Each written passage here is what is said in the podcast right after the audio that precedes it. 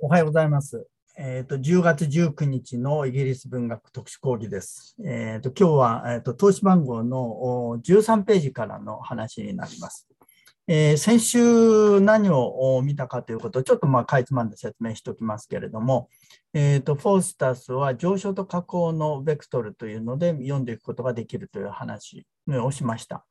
そして特に下降のベクトルにあのクライマックスがあるんだという話をした。うん、それで、えー、何を見たかというと、その悪魔の契約の期限切れが来てしまうとき、24年後の夜中の12時ですね、えーと、フォースタスが、えーと、その50行余りの独白をその吐きながら地獄に落ちていく場面っていうのを詳しく見てみました。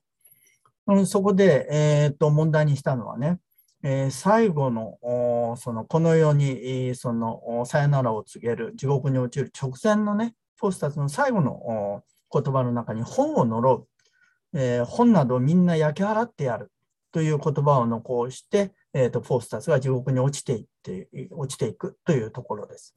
本を焼き払うという叫びながら地獄に落ちていくというところに注目してみた。えー、それで、えー、それをあそのそれを4元素というね、ジョン・ラステルの4元素という芝居とその比較してみました。うんと4元素とドクター・フォースタスの間には約70年の時間が流れてるんだけど、えー、片やジョン・ラステルの方は本の出版、本による知識の獲得、それによって人知の限りない上昇がその実現するんだという夢があった。えー、一方、そのフォースタスは本を呪って本を焼き払うと叫びながら地獄に落ちていった。この違いですね。えーと、70年の間に何が起きたのかということをその考えてみた。何が4元素の夢をドクター・フォースタスの悲劇に変えてしまったのか。これをまあ歴史的な観点からちょっと検討してみましょうということで、えーと、宗教改革に注目しました。で、それはフォースタスのというお芝居の中に、えー、ウィッテンベルクを呪い、えー、本を呪うそのセリフがあるというところからあその入っていきました、えー、ウィッテンベルグなどに行かなければよかったと、えー、ウィッテンベルグで本なんか読まなければよかったということをフォースタスはあその10回している、えー、と12ページですけれどもね。で、これで宗教改革っていうのが何か大きなあインパクトを与えたんじゃないかというふうに目をつけてみた。それで考えていくと、宗教改革っていうのは単に、えー、そのカトリックがプロテスタントに変わったという信仰上の問題だけじゃなくてね、えーと出版文化に大きな変化をもたらしたんだということに注目しました。えー、宗教改革改革が活字文化の台頭を促したんだというふうに、その話を動かしてい、えー、きました。え、文字文化の浸透というのが宗教改革のとともに起きたということです。で、まあ、あのイデオロギー闘争の要として、プロテスタントはあそのパンフレットをその使ったんだと。イデオロギー闘争の要としてのメディアですね。それに何を使ったかと、パンフレットを使ったと。えー、だから出版文化というのがそこで、えー、発展ししたという話をした。12ページの下の方です。それと同時に、プロテスタントというのは、あ一冊の書物、聖書をその厳格なあその神の言葉として、神の言葉として、えー、その設定することによって、信仰を確立していった考え方ですから、聖書という一冊の本ですね、書物がその中心に、その、なんていうかな、あの出てくることになると。いう話をしました。プロテスタントはただ一冊の書物、つまり聖書の信仰によって勝利するんだということを言いました。うん、それで、えーと、最後にイギリスにおける印刷出版文化の発展というのをさっとこう見てみた。そうすると、確かに、えーと、出版後進国だったあイギリスが、えー、と1530年前後、つまり宗教改革のその時期と前後して、出版、出版物の数が急増している。出版文化が何か大きく動き出しているということを指摘しました。そして1556年には印刷出版同業組合が公認されて結成されているという話。それから1586年になると、えー、国家が印刷業の統制に乗り出すほどに、えー、出版文化というのが花開いてきているんだという話をした。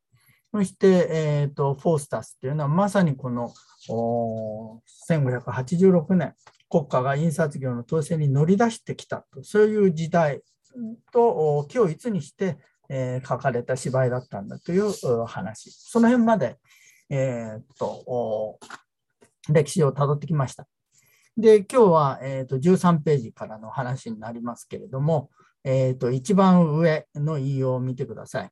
えーと、これは英訳聖書の出版というふうに見出しつけといたけれどもね、えー、とちょっとこれあの引用文の1行目の上が切れてしまってるんでそこを補って今読みますから消えてるところを少し足してください。えー、1行目 We read 我々は読むという We read です。Since the time of Christ T と s の間にアポストロフィー入れてください。Christ, Christ's death、キリストの死です。since the time of Christ's death of virgins that have been brought です。We read since the time of Christ's death of virgins that have been brought 1行目そういうふうに。まあ、ただこの1行目で重要なのは We read って最初のこの単語2つだけですけれどもね。で、これは、えっ、ー、と、ウィリアム・ティンダーという人の英訳聖書から取ってきたものです。で、ウィリアム・ティンダルというのはね、えー、この引用の右に書いておいたけれども、1494年頃から1536年まで生きた人で、プロテスタンティズム、プロテスタント思想のね、思想的指導者であって、英訳聖書、聖書を英語に翻訳した人です。で、その彼がね、えー、っと、1530年に、えー、Tyndall's Old Testament、これ右側に書いておきましたけど、Old Testament っていうのは旧約聖書ですね。テンダル、ティンダルの旧約聖書という英訳聖書を出版してます。で、その聖書のジェネシス、うん、その創世記だね。創世記にプロローグ、序文を書いてるんです。そこから取ってきました。Prologue to Genesis 1530ってそこに書いておきましたけど、えー、っと1530年に出たティンダルの旧約聖書の創世記につけてあるティンダルがつけた序文です。これ1530っていうのはね、えー、と思い出してほしいんだけど、先週見たあ今、さっとおさらいした12ページの一番下ですね。1530年前後を境に出版物の数が急増した宗教改革が動き出した。出版物が急増した。数が急増した。これにこうしてるよね。まさにその1530年に、えー、ティンダルは英訳聖書を出して、こういうプロローグをつけてます。創世記にね。で、注目してほしいのはね、えー、このささっき言った We read です。うんえー、冒頭に、えー、We read と書いて、そこから始めてるわけ。うん、つまり、我々は読むのだという意思表示だよね。精神文化の中心に本が入ってきたっていうことで、我々はまず読むのだって、これです。これが非常に重要なメッセージ。うん、それで、えー、っと、次に大事なのはね、えー、っと、その第2パラグラフの2行です。ちょっと見てみますね。As thou readest, therefore, thou っていうのは you です。readest ってのは EST は 無視しちゃっていい。えっ、ー、と、かつ、あの、動詞の活用語尾です。なんか、as you read と読めば、as you read, therefore, think that every syllable pertains ETH は無視しちゃっていいです。every syllable pertains to thine own self. thine というのは your own ですね。 えっ、と、as thou readest, therefore, think that every syllable pertains to thine own self. うん、 and suck out the piece of the scripture and arm thyself against all assaults. この2行ですね。この2行が決定的に重要。で、中でも、えー、と2つの単語です。えー、今の2行の1行目にあるシラボ、これ、これです。それから2行目にあるピス、これですね。これどういうこと書いてあるかというとね、えっ、ー、と、you read ですか。だから、えっ、ー、と、あなたが、あその、この聖書を読むときには、think that, that 以下のように考えなさいと。every syllable。シラブルのすべてが pertains to ってのは誰々の何々のものであるということですね。your own self。あなた自身のものであるということを常に念頭に置きなさいと。この聖書を読むときには、えーと、シラブルのすべてがあなた自身のものであるということを念頭に置きなさい。そして、サックアウト。サックアウトというのはしっかり、えー、吸い尽くす、飲み尽くすということです。えー、サックっていうのはね、えーと、血飲み子がお乳を吸うイメージ、おっぱいを吸うイメージです。サックアウト、the piece。ピスっていうのは骨の髄のことですね。of the scripture。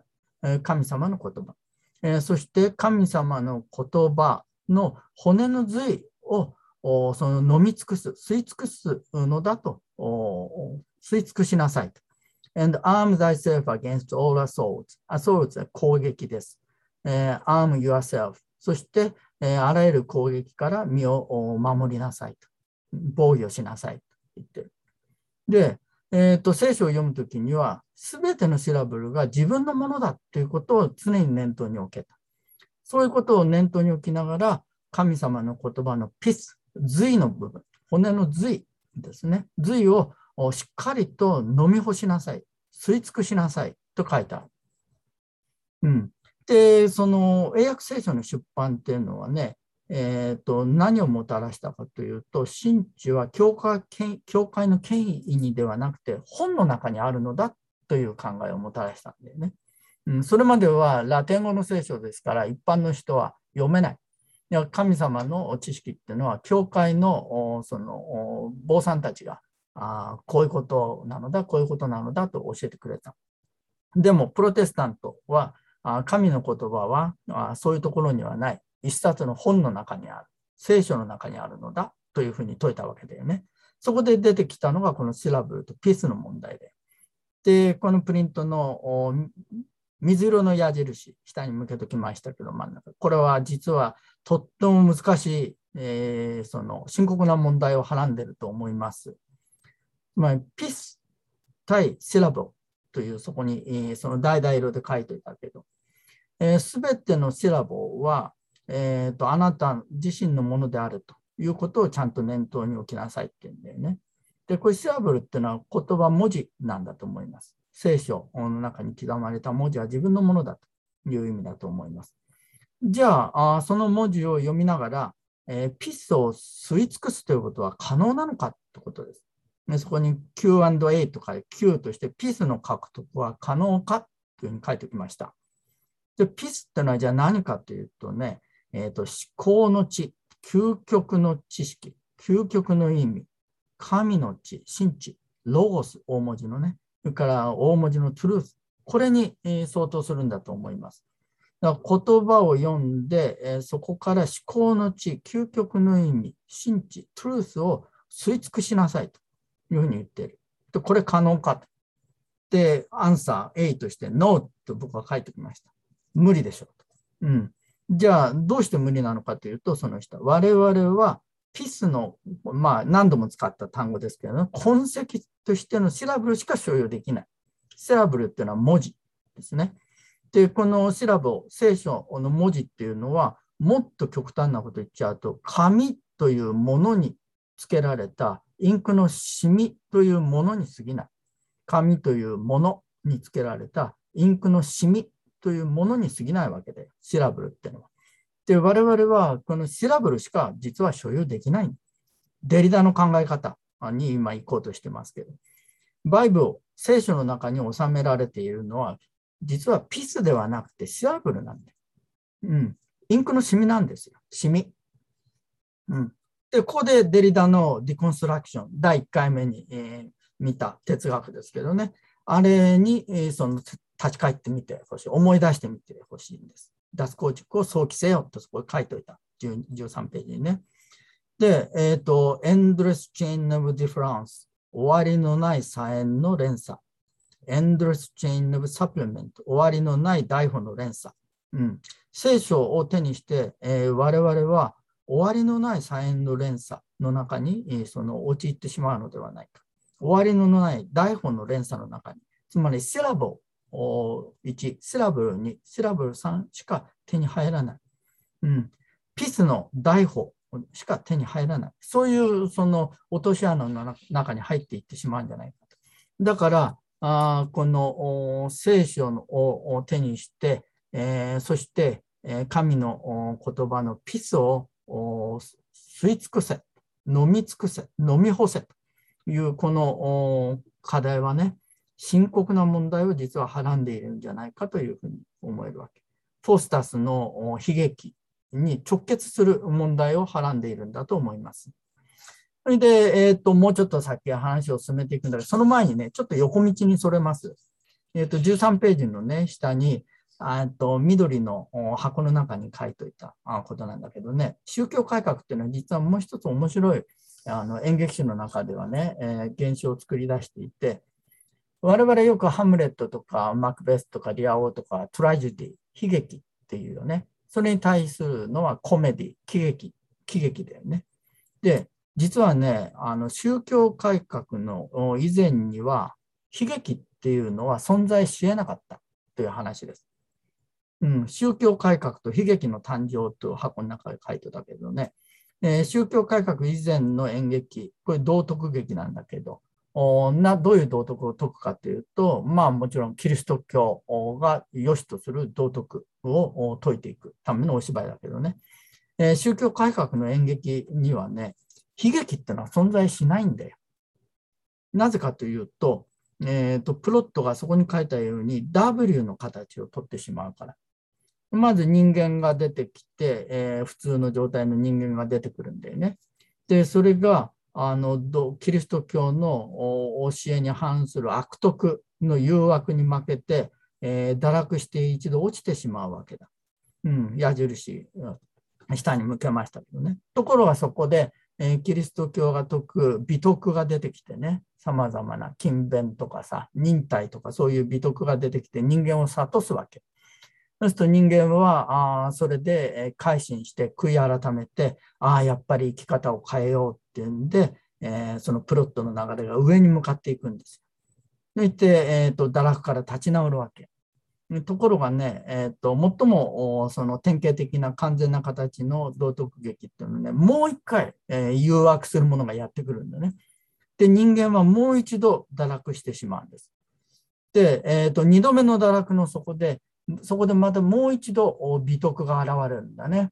慈悲とかさ、えー、いろんな忍耐とかそれこそまたやってくるわけで。うん、で、それがあ人間に救いの手を差し伸べて、えーと、倫理、モラルを説くんだね。そうすると人間はそこで悔い改めて、えー、また救われる。そして最後にその救われた状態で終わる。これが宗教改革以前のお芝居の形です。で、これはまあ、あの宗教改革、ルターは免罪符っていうものを断罪したわけだけどね、免罪符の発想だよね。えーと、人間は罪を犯しても、その悔い改めることによって免罪、罪をその免れて許されて、また救い上げられるのだという教えで。だからそれをお芝居にした形ですから、最後は落ちた、堕落した人間が救われて終わる。それが宗教改革の前のその芝居の形です。だから、これは、あここには悲劇はあその生まれ得ないわけですよ。うん、で、まあ、ついでに言うと、カトリックの時代には人間は死んだ後行く場所が3箇所あるんだよね。ヘブン、天国と、それからヘル、地獄と、その間に横たわるパーガトリーという煉獄っていう場所。で、えーと、正しい魂はヘブンに上がっていくよね。だから堕落した魂はヘルに行くんだけど、その前に一度パーガトリー、煉獄にとどまるんだね。で、煉獄ってのは、まあ、要するに最終的に魂が地獄に陥るか、天国に行くかを試す期間と場所です。それがパーガトリー。で、そこで、えー、その多くの魂はあ悔い改めて救われて天国に上がっていくわけで、うん、その中間地帯が、干渉地帯があったわけ。で、えーと、宗教改革の後ですね、えーと、プロテスタントの時代になると悲劇、トラジェディという形があその可能になるんですね。それはその箱の中に書いてたけど、宗教改革、特にカルビニカルビニズムの予定説ですね。ジョン・カルバンというフランス生まれのスイスの神学者がいるけどね、プロテスタントの思想家ですけれども、彼はね、予定説っていうのを説いて、これが非常に大きな影響を与えた。プリデスティネーションっていうんだけど、これはどういう考え方かというとね、人はね、生まれながらにして救われるか落ちるか、地獄に落ちるか、天国に救い上げられるかっていうのは決まってるっていうんだね。だから、えーと、落ちるべくして生まれた人間は絶対に落ちる。絶対に救われない。どんなに悔い改めようとも絶対に救われない。罪深い、えー、そのえー、宿命を追って生まれてきたものは落ちていく。だから、えーと、そこに書いてある逆 V 字のプロットを取ったあお芝居っていうのが生まれてくるわけ。うん、つまらぬ人間があその栄誉映画を極めて上り詰めていく。えー、そこで、えー、その罪深い、えー、その行為をね、えーと積み重ねて、えー、最後は落ちるべくして落ちていく。もう二度と救われることはない。そういうお芝居で。だからあ悲劇が生まれる。フォースタスはこの形ですね。うん、どんなに悔い改めようと救われない。うん、先週読んだ最後の断末魔のあの50行思い出してください。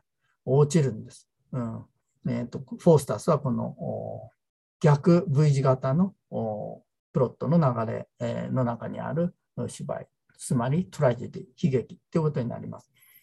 で、さっきのヘブンとヘルとパーガトリー、煉獄っていうことで言えばね、プロテスタントはパーガトリー、煉獄、中間干渉地帯っていうのを認めない、ヘブンとヘルしか認めないんですね。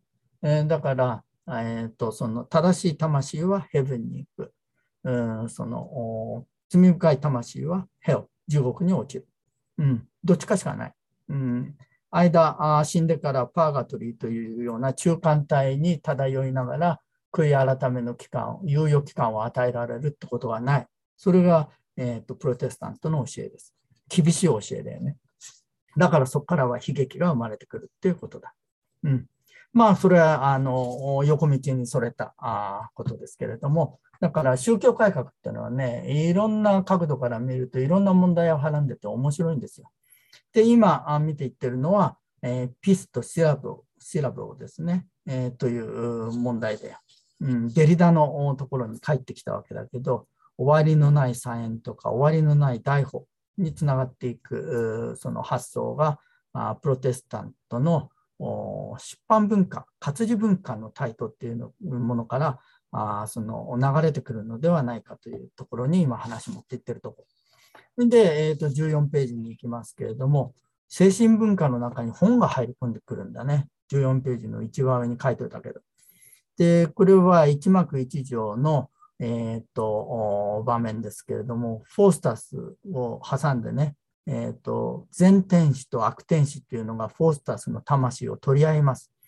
えー、それ、ちょっと見てみます。えっ、と、訳見てみようね。フォースタス、その呪われた書物を捨てて二度と覗いてはいけない。でないとお前の魂は惑わされ、神の激しい怒りを頭上に招くことになる。ひたすら聖書を読むのだ。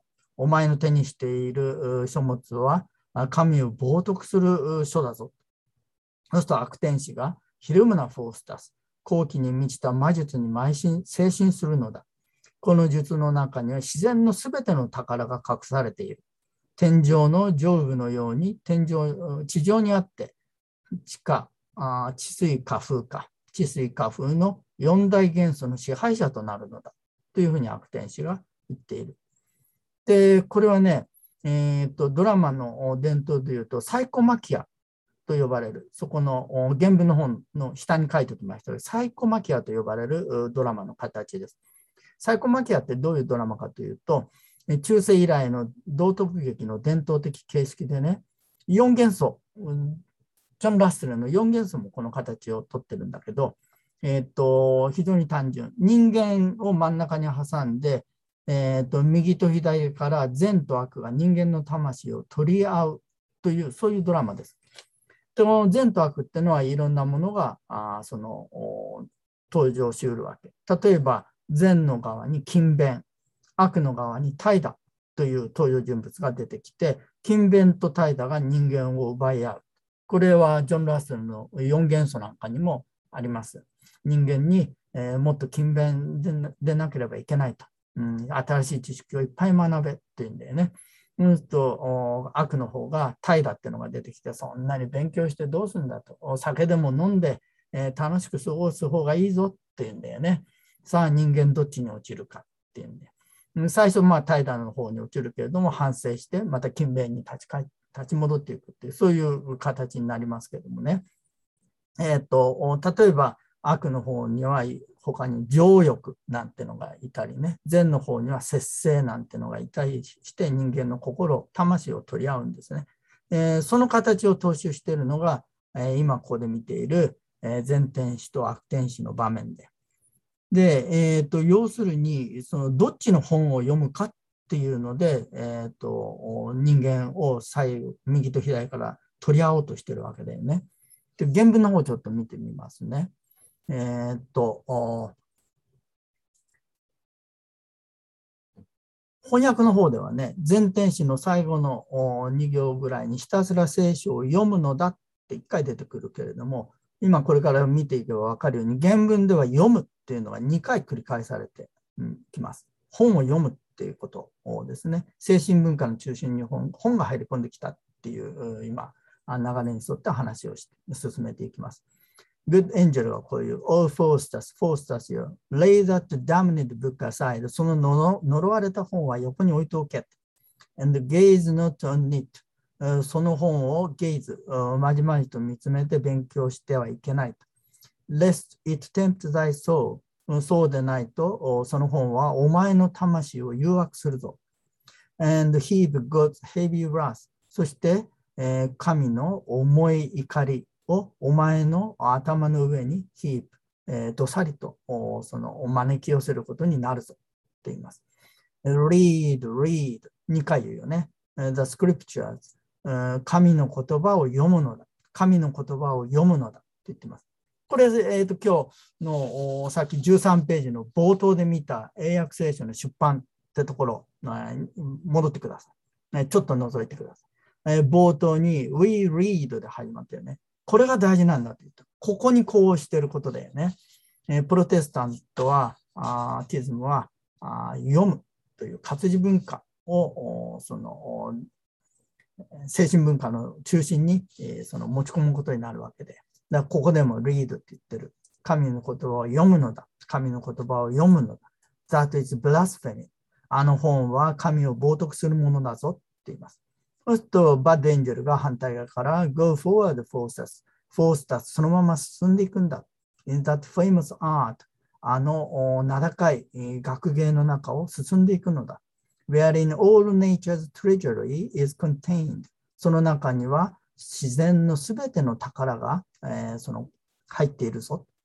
Be thou on earth as Jove is in the heaven お前は地上にあって、えー、ジュピター、ゼウスが天にあるようなあ存在、空にあるような存在になるのだ。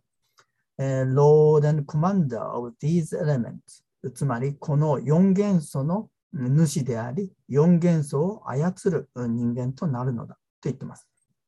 まあそういうふうな。で、えー、ここで繰り広げられていられているのは、その翻訳の下に書いておいたけど、バトル・オブ・ブックスですね。本の戦い。本と本がぶつかり合って戦っているっていう形で、えー、自然科学の書、4元素の本だよね。うん、と、バーサス聖書、聖書がぶつかり合っている。で、これはね、ジョン・ラッセルの4元素では幸福に、えー、並存していた二大原理、ぶつかってはいなかったわけですね。えー、ここではもう2つが真っ向からぶつかり合ってるという、そういうドラマになってます。で、えーと、宗教改革とプロテスタンティズムっていうのは、じゃあ結局何をもたらしたかというと、えー、その真ん中あたり書いておいたけど、本の対決、バトル・オブ・ブックスをあぶり出す触媒になったんじゃないかと思います。うんえー、と前回の話で、えー、と触れたように、厳格な聖書主義っていうのがプロテスタンティズムの要だよね。それから出版活動の発達、発展というものがそれに伴って、えー、ついてきた。イデオロギー闘争のメディアとしてのパンフレットって話したよね。それからジョン・フォックスの殉教者列伝の中の一節も引いた。我々は剣と盾ではなくて、プリンティングとライティングとリーディングという手段でカトリック勢力と戦い勝利するのだと。世界中の印刷機が我々の要塞なんだと言っていた。ジョン・フォックスの殉教者列伝の一節も思い出してください。つまり宗教改革とプロテプロテプロテスタンティズムというのはね、本の対決、バトル・オブ・ブックスという形、うん、そういうドラマをあぶり出してくる触媒になったというふうに、えーと、僕はあ考えてます。で、えーと、この本がね、あの精神文化の中に入り込んでくる、聖書が入り込んでくる、シラブルが入り込んでくるというと、例えばそれはフォースタスの中で、えー、どういう形で出てくるかっていうのが14ページの下の引用です。うんえーと、これはドクター・フォースタスの5幕2条ですけれどもけれどもね、えーと、メフィスト・フェレスのセリフで、訳の方ちょっと見てみますね。フォースタス、天国への望みは断たれている。お前にできることは絶望し、ただ地獄のことを考えることだけだ。地獄こそお前が永住すべき住処なのだから。フォースタス、悪悪魔め、よくも俺を騙したな。お前の誘惑のおかげで俺は永遠の幸福を失ってしまったんだ。とメフが、そのことは俺も否定はしない。うん、面白いじゃないかお前が天国への道を歩いていたとき、お前の行く手を遮ったのは他ならぬこの俺だった。次の数行が大事です。お前が聖書を取り上げ、御言葉に接しようとしたとき、そのページをめくって目をそらせた者はあのも他ならぬこの俺だったのだ。という、ここですね。お前が聖書を取り上げ、御言葉に接しようとしたとき、そのページをめくって目をそらしてしまったのはこの俺だったんだって言ってます。で、これ原文ではこう書かれてる。メフィストフェレスのメフメフォの、えーと、セリフの2番目のセリフの3行目の3行目の真ん中あたりからだね。まあ、えっ、ー、と、メフのセリフ2行、2番目のメフのセリフ見てみましょう。I do confess it, Faustus, and rejoice. ああ、その通りだ。ああ、フォースタスよ。and rejoice. ああ、俺は本当に楽しいよ。そういうことができてな。It was I that when thou wert、uh, in the way to heaven お前が天への道の上の上を歩いていたときに、天への道の中にあったとき、えー、dammed up the passage その道を塞いだ塞いでしまったのは it was I 他ならぬこの俺だったのだと言っています。次のところですね、えー、さっき翻訳でここ大事だよって言った When thou tookest the book to view the scriptures お前が、えーと、神の言葉を見ようとしてその本を手に取ったとき the book 聖書で Then I turned the leaves. その時、この俺は、あその聖書の本のページ、leaves ですね。リーフ、単数はリーフ。うん、複数になると leaves になるよね。えー、そのページをパラパラとめくって、えー、そして、and let thy eye お前の目を横に反らせてしまったのは、あこの俺なんだって言って、ね、お前がその本を取って、神の本を見ようとしたときに、えっ、と、俺がそのページをめくってお前の目を横に反らしてしまったんだ。反ら反らさせてやったのさって言ってます。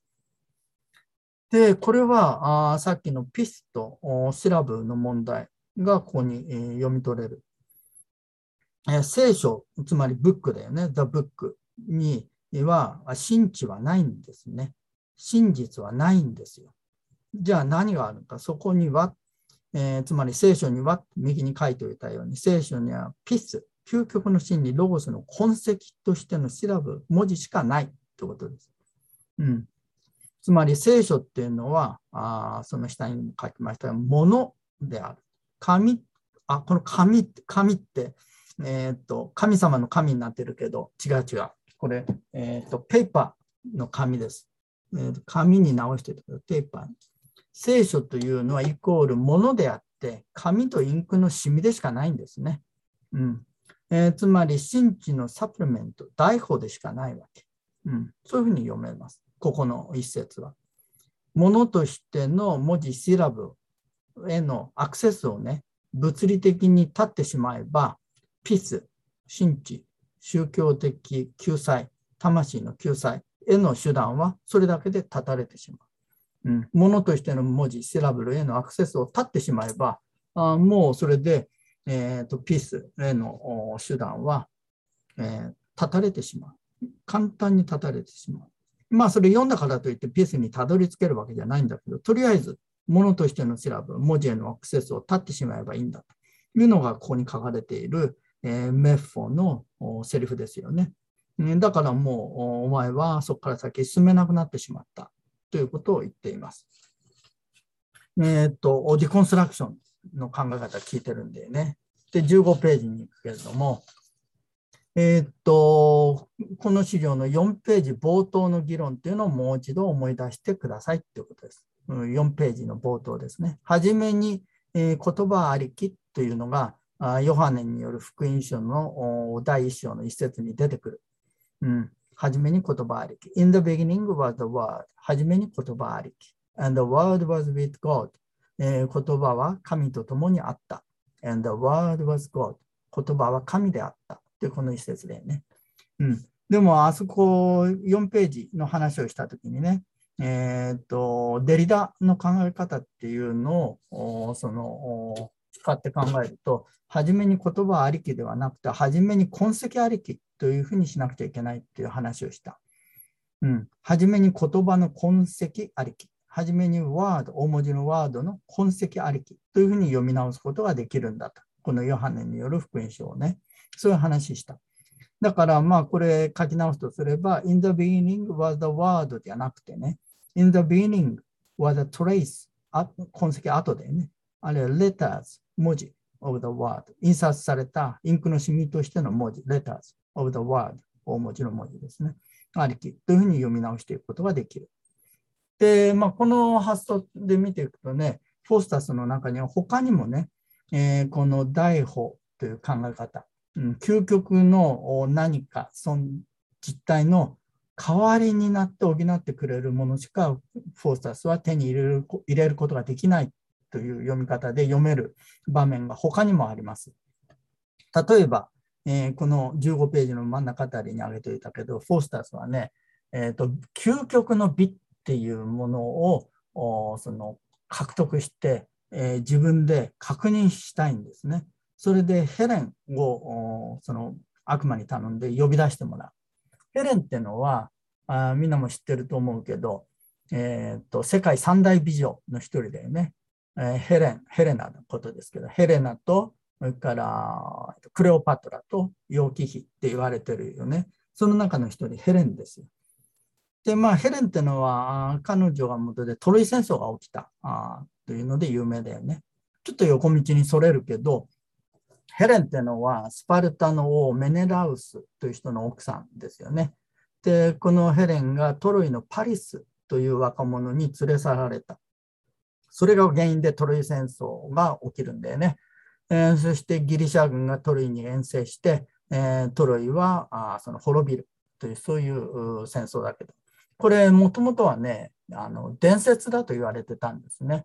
ホメロスっていうギリシャの大、えー、女女児詩人、大詩人がいますよね。ホーマーとかホメロスと呼ばれてますけど、えー、彼がそのトロイ戦争の模様を女児詩に書いて残してるよ。世界文学の一つで、ね、代表する作品ですけどね。で、トロイ戦争っていうのはもともとはなああの歴史ではなくて、えー、伝説だというふうに考えられていたんで、うん、ヘレンの話もトロイ戦争の話も伝説だと考えられていたんでね。えー、ところがこれが、いや、実際に起きた史実、歴史上の事実、事実だったって分かるときは来るんですね。で、これ詳しく、えーと、知りたかったら、シュリーマンっていう人のね、古代への情熱っていうの、岩波文庫に入ってる薄い本があります。これ読んでみたら。とっても面白いですよ。えっ、ー、と、シュリーマンっていう人が、え、ー、と、トロイの遺跡を発掘するんだよ。で、ちょっと横道続けますね。えー、シュリーマンっていうのはね、えー、人はね、子供の頃、あの、おばあちゃんのね、膝の上で、子守歌のように、えー、ホメロスの、ホーマーのね、えー、詩を聞かされて育ったんだよね。で、そのトロイ戦争の模様をおばあちゃんがホーマーを読みながら聞かせたわけで。で、やがて大きくなったシュリーマンはね、えー、っと、そのトロイ戦争っていうのは本当にあったことじゃないかと思うんだね。うん。あれほど生き生きと語られている戦いっていうのは伝説なんかじゃないと。きっと本当にあったんだっていうんで、えーと、働いてお金を貯めてね、そのお金を、資材を投げ込んで、えーと、発掘を始めます。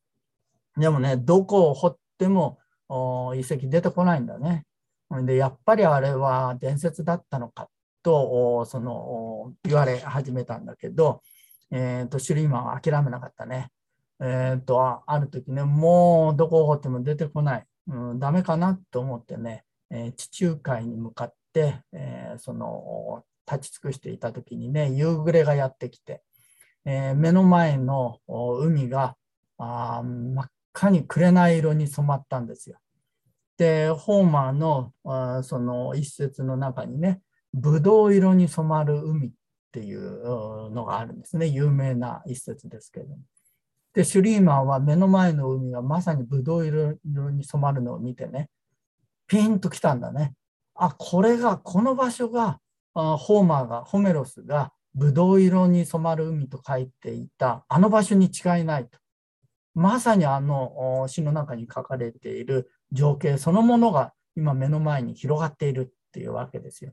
それでシュリーマンそこ掘り始めた。そしたら出てきたんですね。トロイの遺跡が。で、えー、このトロイ戦争は伝説じゃなくて、歴史上実際にあった戦いで、トロイというあの都市もあったんだってことが分かった。そういうあの過去があります。それ、シュリーマンっていう人が古代への情熱という本の中に書いてある。とっても面白いですよ。うん。興味あったら読んでみてください。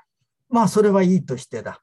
えー、そのトロイというね、えー、っと、都市を、その、うん、破壊してしまった、元になった美女ですね、ヘレンを見てみたいっていうんで、えー、フォースタスが頼む。で、今、悪魔にその呼び出されてヘレンが出てくるんだよね。そうするとフォースタース、こんなこと言う。おこれが戦争の軍船を駆り立て、トロイの天を、なんだこれ、うん、天にも届くほどの塔を焼き滅ぼしたあの顔なのか。麗しいヘレン。お前の接吻で俺を英語を不滅の身にしてくれ。と言うとヘレンがここで彼にキスをする。ああ、俺の魂はこの唇に吸われてしまった。見ろ、魂が飛んでゆく。ヘレンがふわふわっと離れていくんだろうね。自分の魂はヘレンに吸い取られてしまったんだ。頼むヘレン、俺の魂を返してくれ。と、これ、とがき入ってないけど、多分ヘレンがまた戻ってくるんだよ。ここでフォースターさん、もう一度激しくキスをして、えー、今度は逆に吸い取り返すんですね。俺はもうここから離れんぞ。ここは、この唇が天国だ。ヘレンのもの以外はすべて、えー、チリアクタ、誇りに過ぎぬというところです。で、ここですけれども、原文ちょっと見てみますね。Was this the face that launched a thousand ships? うん、ローンチっていうのは駆り立てて海へ送り出すってことです。えー、これがその顔なのか。一千艘もの船を海へと送り出すことになった。そうこれがその顔なのか。And burnt the topless towers of Ilium. Ilium ってのはトロイのことです。トップレスっていうのはトップがレス、ない。つまり、えーと、高い塔の先が雲の中まで届いていってしまって、えーと見えないっていうんですね。うん、雲をいただくほど、天をいただくほどのトロイの高い塔をことごとく焼き払って、えっと、その焼き落とさせさせてしまうことになった。これがあの顔なのかと言います。Sweet Helen, make me mortal with a kiss. ここをマークしといてください。えっ、ー、と、麗しい、美しいヘレンよ。えっ、ー、と、キスをして、そのキスで俺を、その妹、死ぬことのない身にしておくれと。この俺に永遠の命を与えておくれと言いますね。うん。Post her lips suck for my soul キスをするんだね。ああ、えー、ヘレンの唇がさっき、あの、Tinder で出てきたサックで吸うんですね。えー、ヘレンの唇が for my soul 俺の魂を吸い取ってしまった。See where it flies おその魂がふわふわとあそこを飛んでいく。Come, Helen, come. 戻ってきておくれ、ヘレン。戻ってきてくれ、もう一回。Give me my soul back. Again というのは back ってことです。俺に、俺の魂を返しておくれって言います。そこで、今度はフォースタスの方がぎゅーっと激しく唇を吸って、吸い取り返すわけで、ここで。Here will I dwell. ああ、もう俺はここにずっと住んでいることにしよう。For heaven is in these lips. 今吸っているこの唇の中に天国はあるのだから。And all is dross. dross の誇り、チリアクタです。That is not Helena. ヘレナでないものはもう誇りに過ぎないって言いますね。で、これはえっ、ー、と、endless chain of difference, endless chain of supplement として読み解くことができます。どういうふうに読んでいくかというと、横に1、2、3と書いておきました。究極の美、究極の優越の代法、サプリメントですね。としてのヘレンですよ。それから、イモータリティ、えーと、死ぬことのない命の代法、サプリメントとしてのキスですよ。うん、だから究極の美優越の代わりのものとして、えー、代わりと補うものとして、えーと、フォースタスはヘレンを今手にしている。それからイモータリティに代わるものとして、えーと、キスにありついている。そしてヘブンの大夫としての唇ですよ。うん uh, Heaven is in these lips と下から2行目。これマークしてくださいね。うんそれから、さっき Sweet Helen, make me mortal with a kiss とマークしてもらった、その下のあ her lips のリップスもマークしてください。うん、そうするとあの読んでいけるでしょ？そういう究極の美、究極の優越の大法としてのヘレン。からイモータリティの大法としてのキス。からヘブンの大法としてのリップス。うん、つまりピスの大法としてのシラブと同じことが起きてるわけ。究極の美、究極のその永遠の命、究極のものとしてのヘブンですね。それはピスに相当するわけ。それから、えーと、ヘレン、それからキス、リップス、これはシラブに相当するわけで。そういうふうに読んでいけるでしょ。うん、だから、えーと、そんな形でポースタスの中には、えー、この endless chain of difference, endless chain of supplement っていうのがいろんな形で書き込まれていることになります。で、えっ、ー、と、最後の方に入っていきますけれども、7、15ページにした The Book of the World とラテン中世の文伝統と書いてきました。えっ、ー、と、クルティウスというね、ドイツの学者がヨーロッパ文学とラテン中世というね、えっ、ー、と、古典的な名著を書いてるんでね。で、この中でクルティウスがヨーロッパ文学の中にはね、The Book of the World のテーマというのがあ古来、えー、そのラテン文学の時代からあったっていうんですよ。うん、で、The Book of the World っていうのは世界の本、世界の書物っていうのはどういう本かというとね、そこに書いておいたけど、世界のすべての知識を収めた一冊の書物という考え方です。で、世界のすべての知識を収めた一冊の書物。それが The Book of the World です。で、これをテーマとしたあその作品っていうのがあ古来、ラテン中世の時代から連綿としてね、えーと、その西洋文学の中に書き続けられてきたっていうんです。で、まあ、そのテーマの中に我々は、えーとジョン・ラステルのその商標なんかもね、入れることができると思います。そこに書いておきました。神の目の高みにまで上昇した視点で書かれた一冊の完璧な書物っていうのをあのジョン・ラステルのあの商標っていうのは何て言うかな夢見ていたわけですよ。ずっと知識が上がを上へ上へと上げていくと最後神のところまでたどり着く。すると神様の視点で一冊の書物を書く書くことができる、うん。完璧な知識がそこに詰まっている。そういうものに向かっていきたいという夢を綴っていたのが、その理念を図案化したのがラステルの、ジョン・ラステルの商標だって。あそこもう一回後で見直してみてください。ああ、そうだってわかりますか。それとか、前に例を出し例を出した図書館。これも The Book of the World のテーマの中で、えー、その捉えることができます。図書館っていうのは、自分自身が The Book of the World になることを夢見ている存在というふうに考えることができる。うん、自分自身が The Book of the World になることを夢見ている存在。それが図書館です。だから、The Book of the World になるために、やむことなく、いつ果てるともなく本を集め続けるんだよね。で、15ページの一番下。The Book of the World は我々の手には届かない。我々はその痕跡しか獲得できないって書いてきました。えー、The Book、大文字の Book、一番左に書いておいた。これが The Book of the World だよね。えー、それにたどり着くために Book 1、Book 2、Book 3、Book 3、Book 4とこう集めていくわけです。でも集めながら集めながら実は遠ざかっていってしまう。永遠にたどり着くことはできない。でもたどり着きたい。だからあ永遠に本を集め続ける。うん、図書館の営みだね。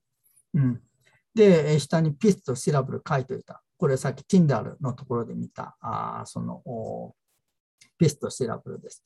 ピスにたどり着きたいんだけど、たどり着けない。でもたどり着くために、えー、シラブル1、シラブル2、シラブル3というふうに言葉を、その、から言葉から言葉へと、その、目を映しながら、あそのピースを求めていくわけだよね。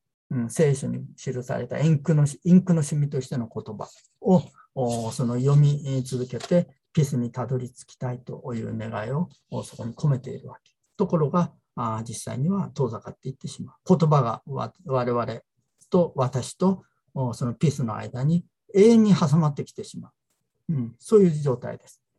で、えーとこのラテン中世の伝統にあった The Book of the World ですね、世界の書物という考え方ですけれども、フォースタスはまさに The Book of the World を手に入れたいんだよね。うん、で、これをね、えー、と16ページ、ヨーロッパ文学の伝統の中で見てみたいと思います。えっ、ー、と、ダンテと The Book of the World。ダンテっていうのは有名だよね。イタリアの詩人、ルネサンスとその中世のちょうど分水嶺のところに位置しているんだけど、うん、彼の新曲ってあるじゃないですか。新しい曲じゃないよ。神様の曲。うん、これ有名でしょ？世界文学を代表する詩編だというふうにそこで書いてたけど、これは時刻編から始まって煉獄編を経て、最後に天国編まで至って終わる。大女子詩ですけどね。うん。で、その中のね、天国編、最後天国にたどり着いたあところを歌っている天国編の中でね、えー、次のような一節が出てくるんで、えー、これ天国編の第33課の82から90行目なんだけど、えー、日本語の訳見てみましょう。私の視力が尽きてしまうほど私をして大胆にも永遠の光を見つめせしめた豊かな恩寵よ。私はその奥底に見た。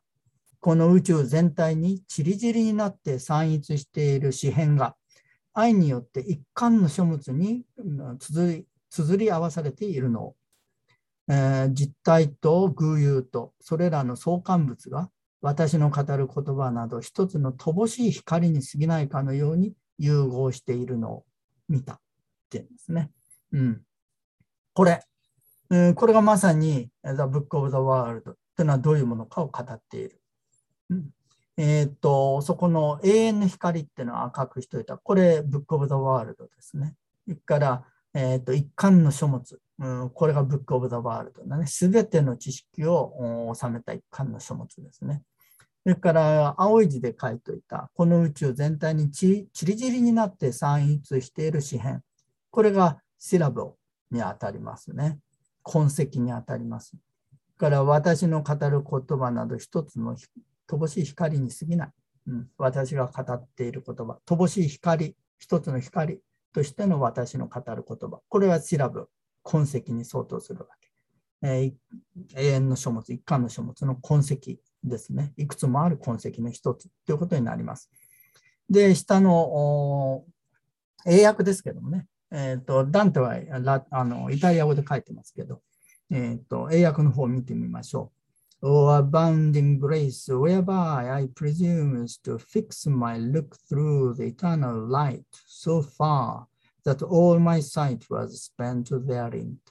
うん、abounding grace, 豊かな grace, 神の恩寵ですよ。恩寵よと。うん、その恩寵の力によって私はプレジウム、大胆にもこういうことを試みたって言うんですね。to fix 私のルック、眼差しを、えーと、定める、フィックス、うん、するこしてみようと大胆にも考えたのだと。through the eternal light うんと永遠の光を通して、えー、so far その奥底まで、えー、その見つめてみようと考えたのだ。Uh, that all my sight was spent therein、うん。それほど奥の方まで見ようとしたので、so that でね。えー、all my sight、私の視力は spent therein、えー、そこで、therein、そこでですね、spent、尽きてしまった。と歌ってます。In the depths I saw in gathered その底に私は見たのだ。うん、集められて閉じられているのを。Bound by love 愛の力によって in one single volume 一冊の、うん、シングルボリューム一貫のボリューム本。に閉じ合わされて、ま、束ねられているのを見たのだって出てきます。えー、何が束ねられていたかというと、that、uh, which is dispersed in leaves through the universe, throughout the universe、dispersed、ちりぢりに散らばっている。in leaves、uh, その本のページになって、あるいは紙のその切れ端になってという意味です。throughout the universe 宇宙の隅々にまでえ紙の切れ端となって、あるいは本のページとなって、え散らばっているものが一冊に束ねられ、閉じられているのを見たのだ。Substances and accidents and their relations. Substances、これ実体、本質ってことですね。Accidents っていうのは、その実体とか本質に付随して生じるさまざまな性質のありさまのことですね。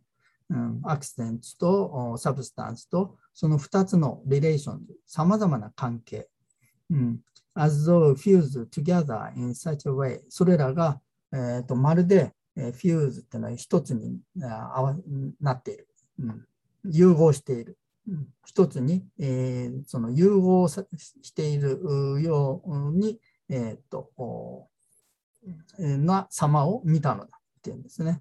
in such a way that what I tell is but a simple light. ざっといかのようなありさまで、えー、一つに融合しているのを見たのだと。うん、どのようなあありさまでかというと、えー、っと、what I tell 私が語っているものなど、only a simple light ただの乏しい光に過ぎない。そのように見えるような様で、えー、一つに融合されているのを見たのだというふうになってます。で、ここで、えっ、と赤字で書いておきましたで、Eternal Light, One Single Volume。これは、えっ、と右に赤字で書いてます。ピスに相当しますね。思考の知。まさに The Book of the World。究極の知識。究極のその真理に相当します。それから Leaves、一枚一枚の紙、あるいはページ。うん、これ。それから最後に出てきた Simple Light、乏しい光。これはシラブルに相当する痕跡ですね。世界文学の大著である、えー、新曲だって、えー、究極の書物からすれば、ただの、えー、痕跡でしかないと。断片的な痕跡でしかないと。うんえーと、大いなる永遠の光からすればちっぽけな乏しい光でしかないと言ってます。でこれは、えー、とどういうふうに見ていけるかというと、その下に書いてきましたけど、まあちょっと図式図式的ですけどね、The Book って左側に書いていた。これが The Book of the World のことで、世界あの世界の書物と一冊の、一貫の究極の書物ですね。究極の知識ですね。根源的な知識、真理ですね。これに向かっていこうとして、Book 1、Book 2、Book 3、Book 4をこのえっ、ー、と、漁っていくっていうのはもう、フォースタスの最初の方で見ました。で、これに相当するのが、ここでは何かっていうと、The Book に相当するのは、One Single Volume ですね。うん。一巻の、うん、その書物。うん。一冊の、一巻にまとめられた書物。これが The Book に相当します。大文字のブック。で、Eternal Light もこれに相当する。で、宇宙に散らばっている、その紙切れ、ページっていうのは何になるかというと、そこから Book 1、Book 2、Book 3、Book 4に相当します。で、そのうちの一つが、えっ、ー、と、新曲なんだよね。そこへ書いてる。シンプルライト。乏しいただのちっぽけな光に過ぎない新曲。うん、それがそのうちの一つに相当します。うん、だから、あそのミルトンの失楽園、パラダイス・ロストにしてもね、シェイクスピアの、えー、ハムレットにしても、うん、マクベスにしても、このダンテの新曲にしても、この永遠の本、ワンシングルボリュームから見れば、ただの乏しい光、ちっぽけな光に過ぎない、うん、リーブズ、うん、その紙切れに過ぎないということになります。で、その下、The Book of the World を見たと思った瞬間に視力が尽きてしまう。これがミソですね。えっ、ー、と、その原文の方で、through the eternal light so far 奥の奥の方まで見ようとした。so that それで all my sight was spent therein そこで尽きてしまったって言うんですよ。これ。うん。思考の地、思考の書物、Book of the World は手に手に届きそうで届かないってことです。永遠に獲得できないってことで、えー、見たと思った瞬間に視力は尽きちゃう。うん。見えたと思った瞬間に視力が尽きてしまう。うん。獲得できそうでできない。うん。手に届きそうで届かない。永遠に獲得できない。というのは、そういう、あの、えー、書き方で綴られています。で、フォースタスはまさに、え、こういう思いの中で、え、悲劇的な結末を迎える。そういう人生を24年間歩んでしまったってことになる。で、最後、8、終わりにっていうのを見てみましょう。えっ、ー、と、初めに言葉の痕跡ありきっていうのをもう一度考えてみたいんですね。ピースの痕跡としてのシラブルありきっていうのをもう一度考えてみたいわけ。それでこの絵を見てみてください。これエチオピアンの古い聖書の写本の中に、えー、その収められている絵なんで。で、これどこをあの我々は目つけるべきかというとね、えこれモーゼが10回を受け取っている場面なんですけどね、10回を受け取るも、受け取っているモーゼの目を着目してください。目に目をつけるんで。うん、モーゼの目。うん。それから、えっ、ー、と、右上の隅に雲のようななんか黒っぽいのがあって、そこから手が出てるよね。で、その手が、えー、10回を記した所持版。所持版っていうのは各文字の板って書きますけどね、所持版をがその手からあそのモーゼの手に渡されている。で、モーゼの目線に注目なんだよね。目に目をつける。うん、何を読むか。モーゼはね、神の手ではなくて、えーと、この所持版を見てるんで。つまり、えーと、我々のその文脈で言うと、ロゴス、究極の地の痕跡を見てるんですね。シラブルズを見てるんで。これ。これ何を語っている我々が獲得できるのは、シラブ所持版、ブックス、小文字のね、本でしかないんだ。うん。だから、えー、このモーゼが手にしているこの所持版がフォースタスが獲得した数々の本だったっていうことになる。